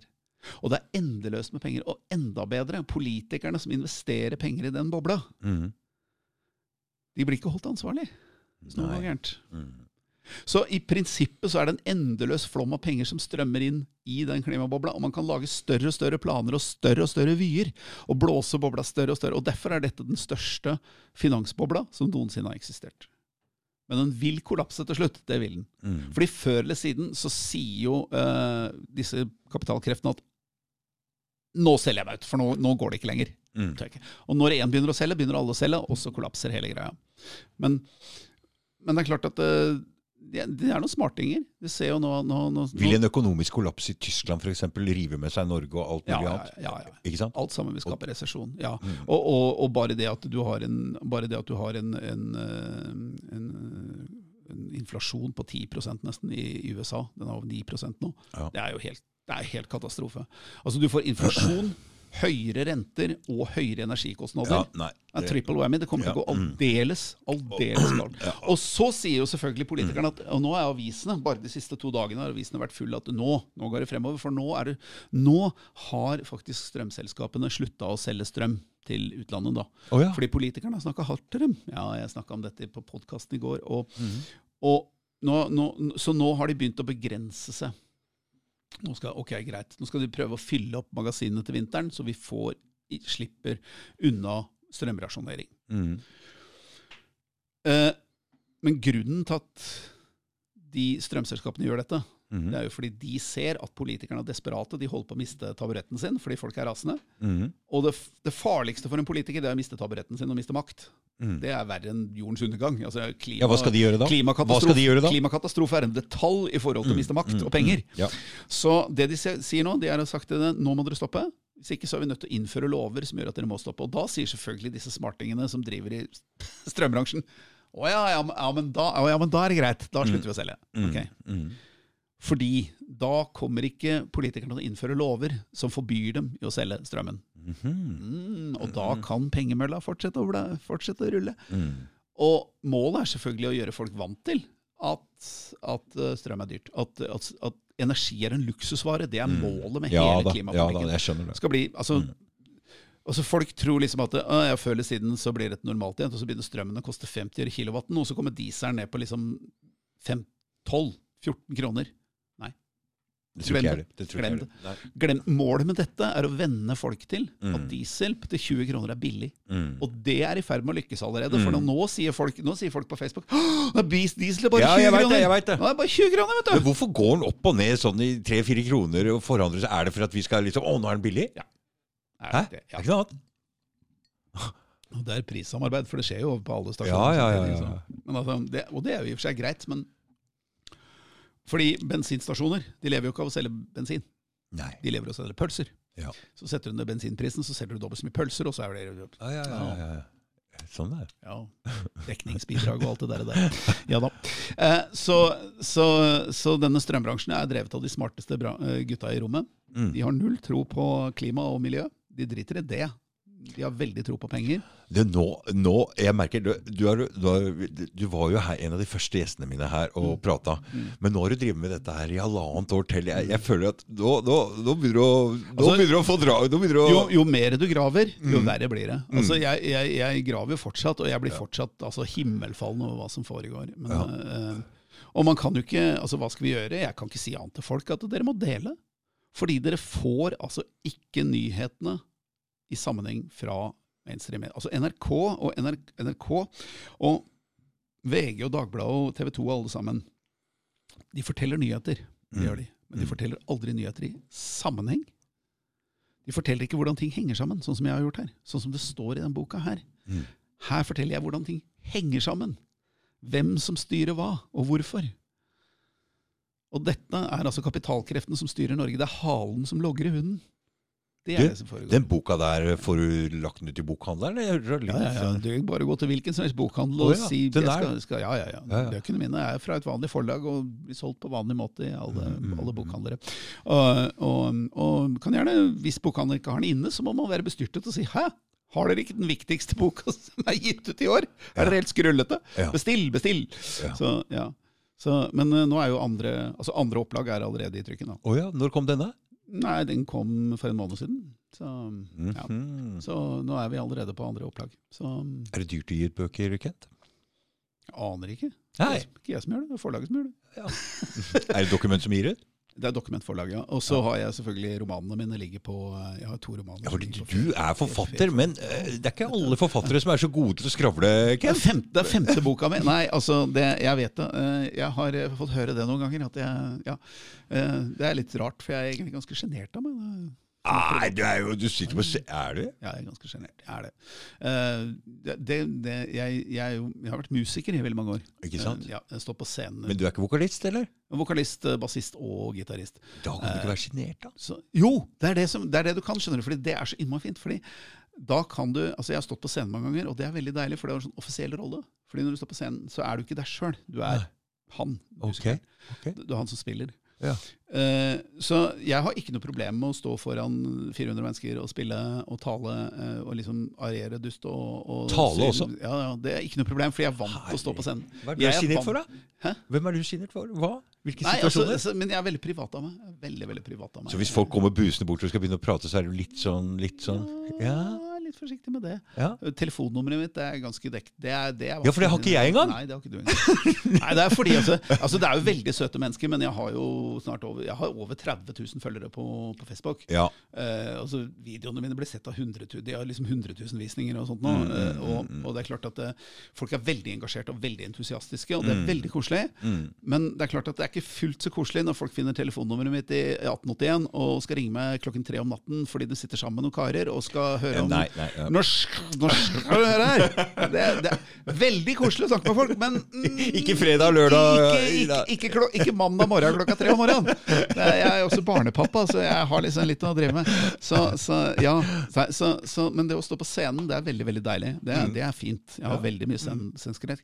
Og, og, vi spiller jo, jeg har jo bluesband og, og alle sammen denne gitarduoen min, Mike and Barfunkel. Oh, Mike and Barfunkel. Mike and Barfunkel som spiller på, på puber og sånn. Mm. Uh, og men da kan, jeg, da kan det liksom være Da kan du hoppe og sprette og være helt sprø ikke sant? og virkelig frikke ut. Går du ut i lokalet etterpå, men, eller? Nei.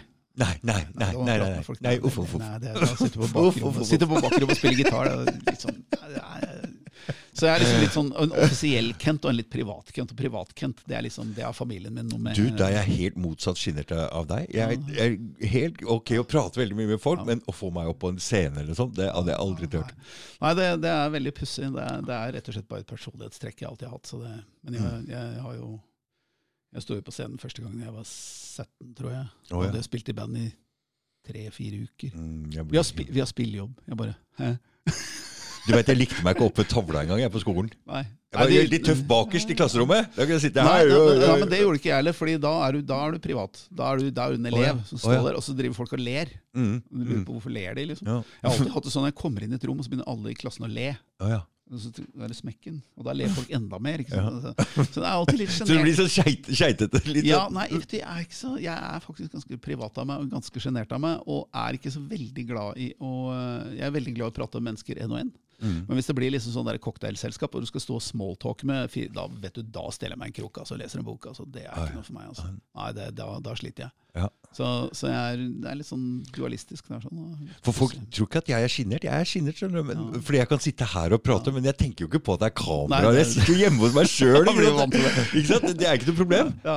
Nei, altså, som sagt, altså, så, så man blir jo en offentlig person. Da. og Det er klart, eh, Jeg vet ikke om jeg har rykket opp fra G-kjendis til F- FE-kjendis, jeg er litt usikker. Men det er klart at så lenge man ikke blir intervjua av media, eh, og media ikke vil skrive om bøkene mine, så selv ikke lokalavisen, Nordblad, selv ikke, altså, selv ikke lokalavisen, jeg har sendt en mail. Til, til Nordstrands Blad? Ja, Ja, ja. Altså, jeg, her bor det en forfatter som Ja. nå har en bestselger og en bok til som nettopp er utgitt. Femte boka er gitt Ja, ut. Kanskje dere vil intervjue meg? Nei, Ikke svar engang. Ikke svare. Nei, svar ikke engang. nei. Så farlig er det. Fordi dette er, forbudt, dette er forbudte bøker.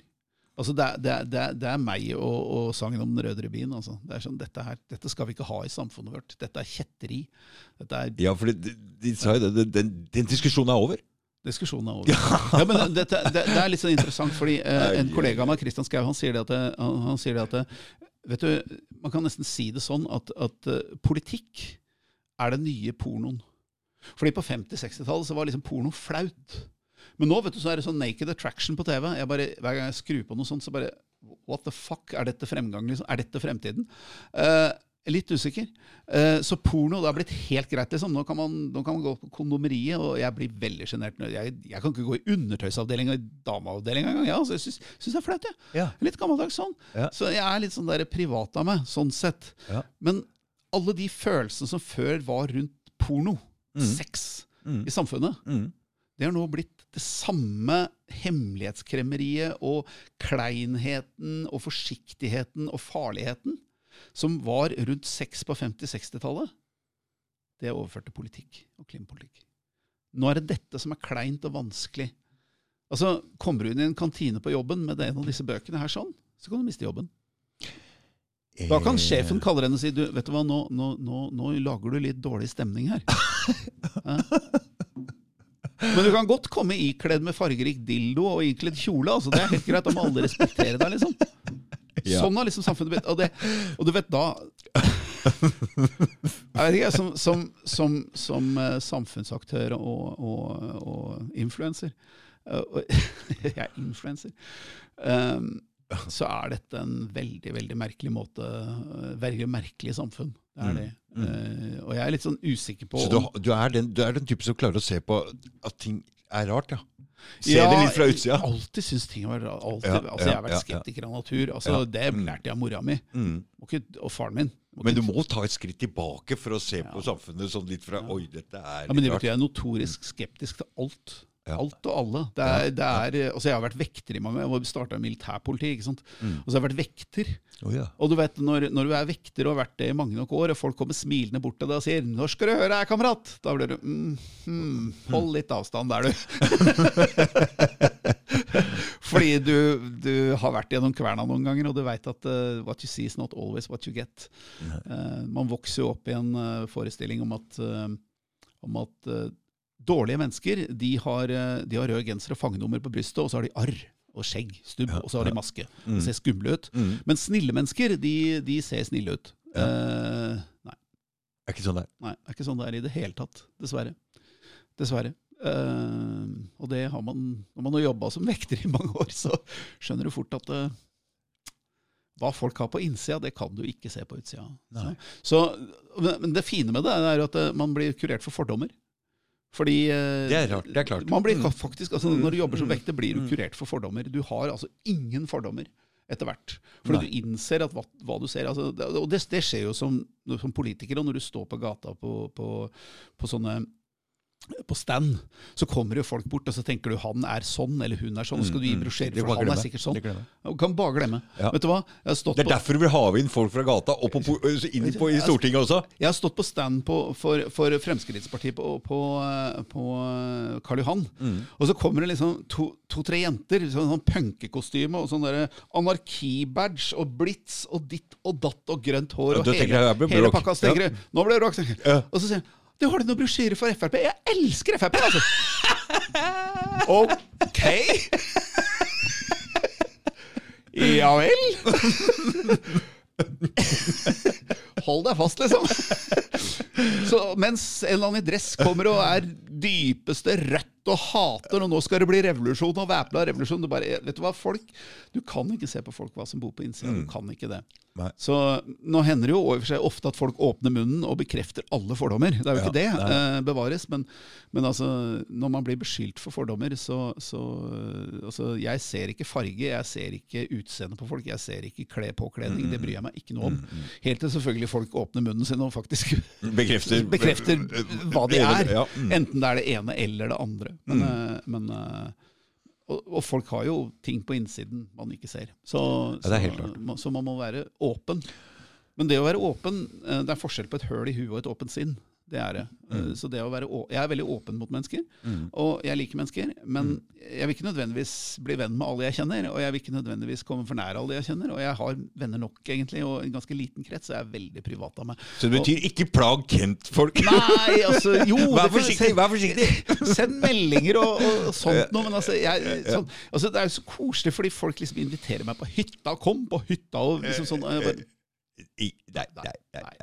Nei, nei, nei. Ikke det, helt jeg, det, er, veldig veldig vanskelig for meg. Det, det blir nesten som å be meg gå, gå bukseløs i byen. Ja. Det, det, nei. Det, det, er ikke det at jeg kan gjøre det, men det, var, det, er, det er ikke meg. Så, så, så nei. Ja. så, så det er derfor jeg liksom politisk sett har valgt å, å ikke være så mye på stand og ikke være, reise rundt og besøke folk og, og møte så mye mennesker, men heller møte folk på Facebook.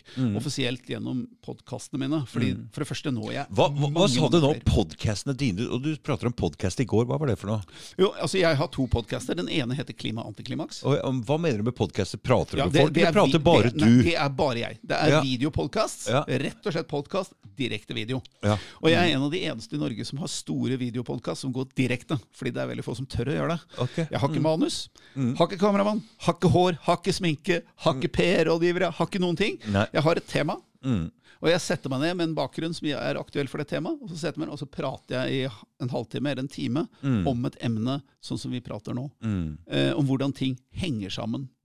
Så jeg har to av disse podkastene. Det ene er da Klima Antiklimaks, som nå antageligvis skal bytte navn. Til, På Facebook, eller?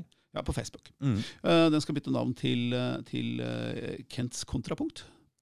Kents kontrapunkt, ja. Ja, jeg tror den blir hetende det. Eh, Mye K-er her. Eh, Ja, klima Jeg har vært, reklamemann reklame i 20 år! Ja, ja. Og, og, og, og bokstavrim, det skal du aldri undervurdere.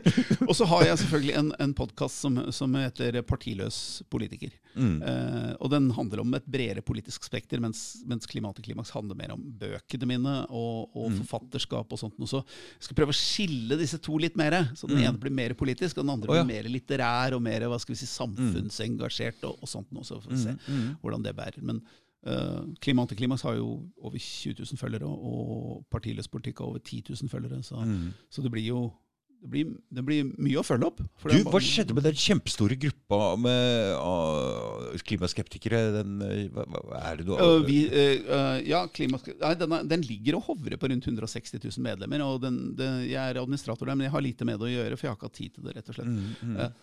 Eh, Det ble så mye hu-ha, eh, men, øh, Men disse, jeg, jeg føler at disse gruppene på Facebook har en litt så kort levetid. De er liksom sånn, Og så får du ikke noe derfra lenger. Jeg har ikke sett noe altså, Problemet er jo det at, og dette har jeg jo sagt i politikken lenge, altså det som er snålt, er jo at folk de går inn i altså Facebook-grupper på 160 000 medlemmer. Mm. Og da vil du liksom anta at ålreit, det er 160 000 medlemmer som er soleklar på sitt politiske standpunkt. Mm.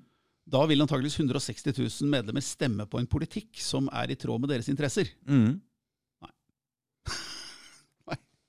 Gjør ikke det. For det er 160 000, eh, 160 000 medlemmer på denne, denne Vi som er mot klimahysteriet. Mm. Så var det 34 000 som stemte på Demokratene, f.eks. Og resten stemte liksom på Høyre og Arbeiderpartiet. Og det, altså det er en selvplaging. Og så har du altså en, du har en gruppe som jeg overhodet ikke har tilgang på, der jeg er bannlyst fra, som er vi som vil ha billigere strøm. Den Ja. Facebook-gruppa, den har vel 600 000 medlemmer eller noe sånt nå. Ja. Det representerer faktisk Men hva, eh, hvorfor er du bannlyst fra den, Kent? Hva er, som, hva er greia der? Aner ikke. Aner ikke. Jeg tror det er fordi den gruppa delvis er delt, drevet av folk som, står med, som har røttene sine i strømbransjen. Kan tyde på det. Mhm. Men mm, jeg vet ikke, vi har jo ikke tilgang Det er veldig snålt. Eh, men altså 600 000 men men mennesker i en eh, Facebook-gruppe, det representerer 20 av velgerne. Mm. Og da skulle du tro at 20% av velgerne ville klare å, å, å si at ålreit, nå enes vi om et eller annet, og så gjør vi sånn. Mm. Men det klarer de ikke. Og de stemmer, de stemmer mot sine egne interesser. Mm. Så, så, og det er jo det som er så skummelt med Facebook-grupper, fordi da får man utløp for frustrasjonen sin, men det hjelper egentlig ingenting. Det er bare én måte å, å, å, forandre Norge på, og det er å hive folk ut fra taburettene sine i Stortinget og ta over plassen. Det er ingen annen måte å gjøre det på. Mm. Fordi de som sitter her nå, kommer ikke til å gjøre det. Men vi som vil ha billigere strøm, hvordan kan man få billigere strøm? Må man ut av EØS? Må man ut av ACER? Må man Nei, eh, altså, altså strømmen må nasjonaliseres igjen. Det er klart det. Du må rett og slett nasjonalisere hele greia. Du må, rett og slett, altså, altså, du, må, du må fjerne klimapolitikken, og så må du innføre nasjonal energipolitikk og si I Norge så bor det fem millioner mennesker. Og de menneskene de eier veldig store naturressurser i form av vannkraft. Ja, for vi er med å eie dette her, Kent. Ingen, det er ikke vi er med, vi eier det. vi eier det. Og politikerne forvalter det for oss. Uh, og de gjør en drita dårlig jobb. Og um, det er helt åpenbart at sett fra et norsk synspunkt, så er dette folket sitt. Og det betyr at disse energiressursene, både olje og vannkrafta, tilhører nordmenn, ingen andre. Og det man må gjøre da, det er å si at ålreit, nå setter vi av olje og vannkraft nok til å dekke Norges behov. Ferdig. Og det skal være billig. Så billig at utenlandske bedrifter kommer og sier i Norge, hvis vi setter opp en fabrikk i Polen, så koster det x kroner. Men hvis vi setter den opp i Norge, så koster det 0,8x. Fordi der er energien billig. Mm. Da flytter vi fabrikken dit, og så får vi 16 000 arbeidsplasser. Ja. For Ja. deres. Mm. For private pengers regning og risiko. Ja. Eh, det, skal man gjøre med, det skal man gjøre med energien. Mm. Og så enig. kan Norge sette Og da kan man si at ja, men det er usolidarisk. Så? Hva så? Altså, Vi er nødt til å ha den energien vi trenger, ellers så blir dette et u-land. Ferdig. Mm. Det er bare fakta. Og da må man bare si. Altså, hvis det blir noe overskudd av f.eks. gass, det trenger vi ikke. Olje vi, vi, vi trenger ikke så mye som vi produserer. Det kan vi selge. Mm. Og hvis vi har et overskudd av strøm, ja vel, så kan vi selge det òg, men å selge det dyrt. Men det å selge strømmen dyrt, og så innføre de samme prisene i Norge, Mm. det er jo helt ko-ko! Mm. Men veldig lukrativt Mm. for pengemølla. Og subsidiere det isteden? Litt? Rann. Det er helt Ja, vet du, det er helt Hæ? Ja, men det er plaster på så Ja ja, du får sånn strømstøtte nå. Strømstøtte? Ja, du får strømstøtte, men den strømstøtten er jo innført selvsagt også for at ikke Jonas Gahr Støre skal ta skylda og miste plassen sin eh, på Stortinget. Og noen skal Får bedrifter strømstøtte òg, eller? Ja, de gjør nok det. Mm. Jeg tror det. Mm. Men, øh, men, øh, og den strømstøtten er jo, det er jo Og det er jo også en sånn plaster på såret som man ikke skal Du vet, Hvis du ser på hva politi de, de forandrer jo ikke politikken. De vil ikke forandre på system. Altså strømsystemet som er innført nå, Mm. dette sinnssyke felles strømsystemet med EU som ikke fungerer, og som skal bygges opp på vannkraft. De skal ikke, vindkraft de skal ikke bygges om. Dette, politikken skal ikke endres. Ingenting skal endres. Man skal sette plaster på såret og kompensere så folk venner seg til det. Mm. Ingen av politikerne på Stortinget sier at vet du hva, vi har tatt feil, vi har driti oss ut, vi har gjort et forferdelig dårlig politikk som rett og slett ikke virker. Unnskyld, nå må vi, gjøre, nå må vi snu om på det og gjøre noe nytt. Senterpartiet prøver å si det, da. Men du vet, det er, ikke noe, er ikke noe, er ikke noe offentlig politikk fra Senterpartiet å, å, å rette på fadesen de selv har gjort. Det er det ikke. De vil heller at folk skal venne seg til dette, sånn at pengemølla kan fortsette å snurre og snurre og snurre. Ellers så kommer jo kapitalkreftene som har fått politikerne til å gjøre denne idiotien, de kommer til å bli forbanna på en eller annen måte. Stopper salget, og da, da stopper vennskapet derimellom, og det tror jeg kanskje ja. Da vil noen miste jobben, og noen vil miste pengene sine, og noen vil miste prestisje, og noen vil miste makta, det, det Disse menneskene som styrer Norge i dag, er egoister. De bryr seg bare om seg selv og sine, og bryr seg katta i folket. Og hvordan kan du si det? Ja vel, det er bare å se på resultatet. Mm. De står fram på TV og sier 'Å, det, vi er bekymret', og 'vi tar det på alvor'. Nå skal vi må gjøre noe. Men de gjør ingenting. Det gjør de ikke. Istedenfor så kommer det til å fortsette, fortsette, fortsette. EU-tilpasningen kommer til å fortsette. Strømsystemet kommer til å fortsette. Bygging av vindkraft kommer til å fortsette. Byggingen av batterifabrikker kommer til å fortsette. helt til en eller annen, denne bobla brister. Så, Du bare vente på det, da, liksom. eh, ja. Ok. Fordi så lenge media ikke ønsker å delta i å sprekke den, den bobla, eh, så er det eneste man kan gjøre, det er å spre dette på Facebook. Mm. Og spre det på sosiale medier. Og dele, dele, dele, dele. Fordi informasjon Jo flere mennesker som blir forbanna og forstår hva det er som egentlig foregår, og Mm. hvorfor det foregår, mm. jo, flere, jo, jo, jo mer robust blir demokratiet. Det gjør det. Det tror jeg. Mm. Og folk sier jo det at man blir sensurert og sånn. Åh, jeg møter så mange som sier man blir sensurert, og det blir sensurert. Nei! Vet du hva? Hvis det som skjer nå i Norge, hadde skjedd i 1980, så ville det vært superfucked. Fordi det fantes ikke en eneste fri kanal. Nei da, jeg er enig i Du hadde ikke mulighet for å nå Mm. tusenvis av mennesker på 80-tallet, med mindre du gikk nei. med lua i hånda til en eller annen redaktør og sa Det kan jeg jeg få inn dette her på trykk. Ja. De bestemte absolutt alt. Vet du hva? På 80-tallet ble du sensurert. I dag du har Facebook. Mm. Jeg, har, jeg, jeg kan ikke si jeg er sensurert når jeg har 20 000 følgere på denne, denne, denne siden. Det går ikke. Nei. Jeg er ikke sensurert i det hele tatt. Men selvfølgelig, jeg kommer ikke inn i media og blir ikke intervjua. Men for meg så bare beviser det hvor rett jeg har, og hvor farlig egentlig det jeg sier. er. Nei, Folk klager på Facebook, men jeg skal si en ting. at uh, Hadde det ikke vært for Facebook, så hadde det ikke vært noe podkast. Det hadde ikke vært noen Nei, ting. nei. Eh, så Og så, og så sier folk at jeg blir sensurert, og sånt, men ofte så ser du hva folk sier, og så sitter de på Facebook og sier det de sier, og de sier ofte bare rør. Mm. Og de blir ikke sensurert, det er bare at det de sier, det er ikke interessant. Mm. Og det er noe helt annet. Du altså, og det er jo mange som kommer inn på siden min og sier at jeg fjerner dem på kommentarfeltet. Ja, det, det, det gjør jeg. Det, det gjør jeg. Eh, fordi det er mange mennesker som ikke eier folkeskikk. Mm. Og så har du selvfølgelig profesjonelle aktivister fra vindkraftbransjen og fra Mm, mm, pengemølla. Mm. Og så har du skrullinger som selvfølgelig sier Kent er dum, som eneste argument. Mm. Eh, og av og til legger de inn sure kommentarer, og, og de bare fjerner jeg. Da kan du blokke dem, så de ikke Ja, bare kommer blokkere ja, Og da kommer de aldri inn på sida igjen? Ja, og så sier de at du sensurerer folk. Ja, selvfølgelig gjør jeg det. Eh, Ytringsfrihet, sier de. Ja, det kan du gjøre hvor som helst annet sted. Vær så god. Det er bare å ytre seg så mye du orker det, men ikke her i mitt hus og hjem. Fordi min blogg er mitt hus og hjem. Det er det er der det gjelder Mm, mine regler. mm, mm. Og sånn er det. Hvis du ikke liker det, så kan du lage din egen blogg med 20 000 følgere. Vær så god. Ja, det er sånn det er. Det er bare å Slå trå til. Ja. Det er ikke så vanskelig. Nei, jeg kan bestemme sjøl. Så, så, du, så du skal ha veldig kreditt for at du lager egen podkast. Det, det er en tøff satsing, altså. Jeg syns du skulle jobba litt mer med navnet, men ja, noen syns det er kult. Det blei Jeg gidder ikke bytte på det navnet nå. Nei, det går jo ikke det. Det går jo ikke det. Det, ikke det. Det blei bare sånn, så samme av det. Jeg, går ikke, altså jeg, jeg, jeg, driver, jeg, har spilt i et bluesband i 30 år som heter Just Another Blues Band. Ja. Jabb. Eh, Så, så det var heller kanskje ikke det beste navnet. Nei, nå begynner vi å si pund, da.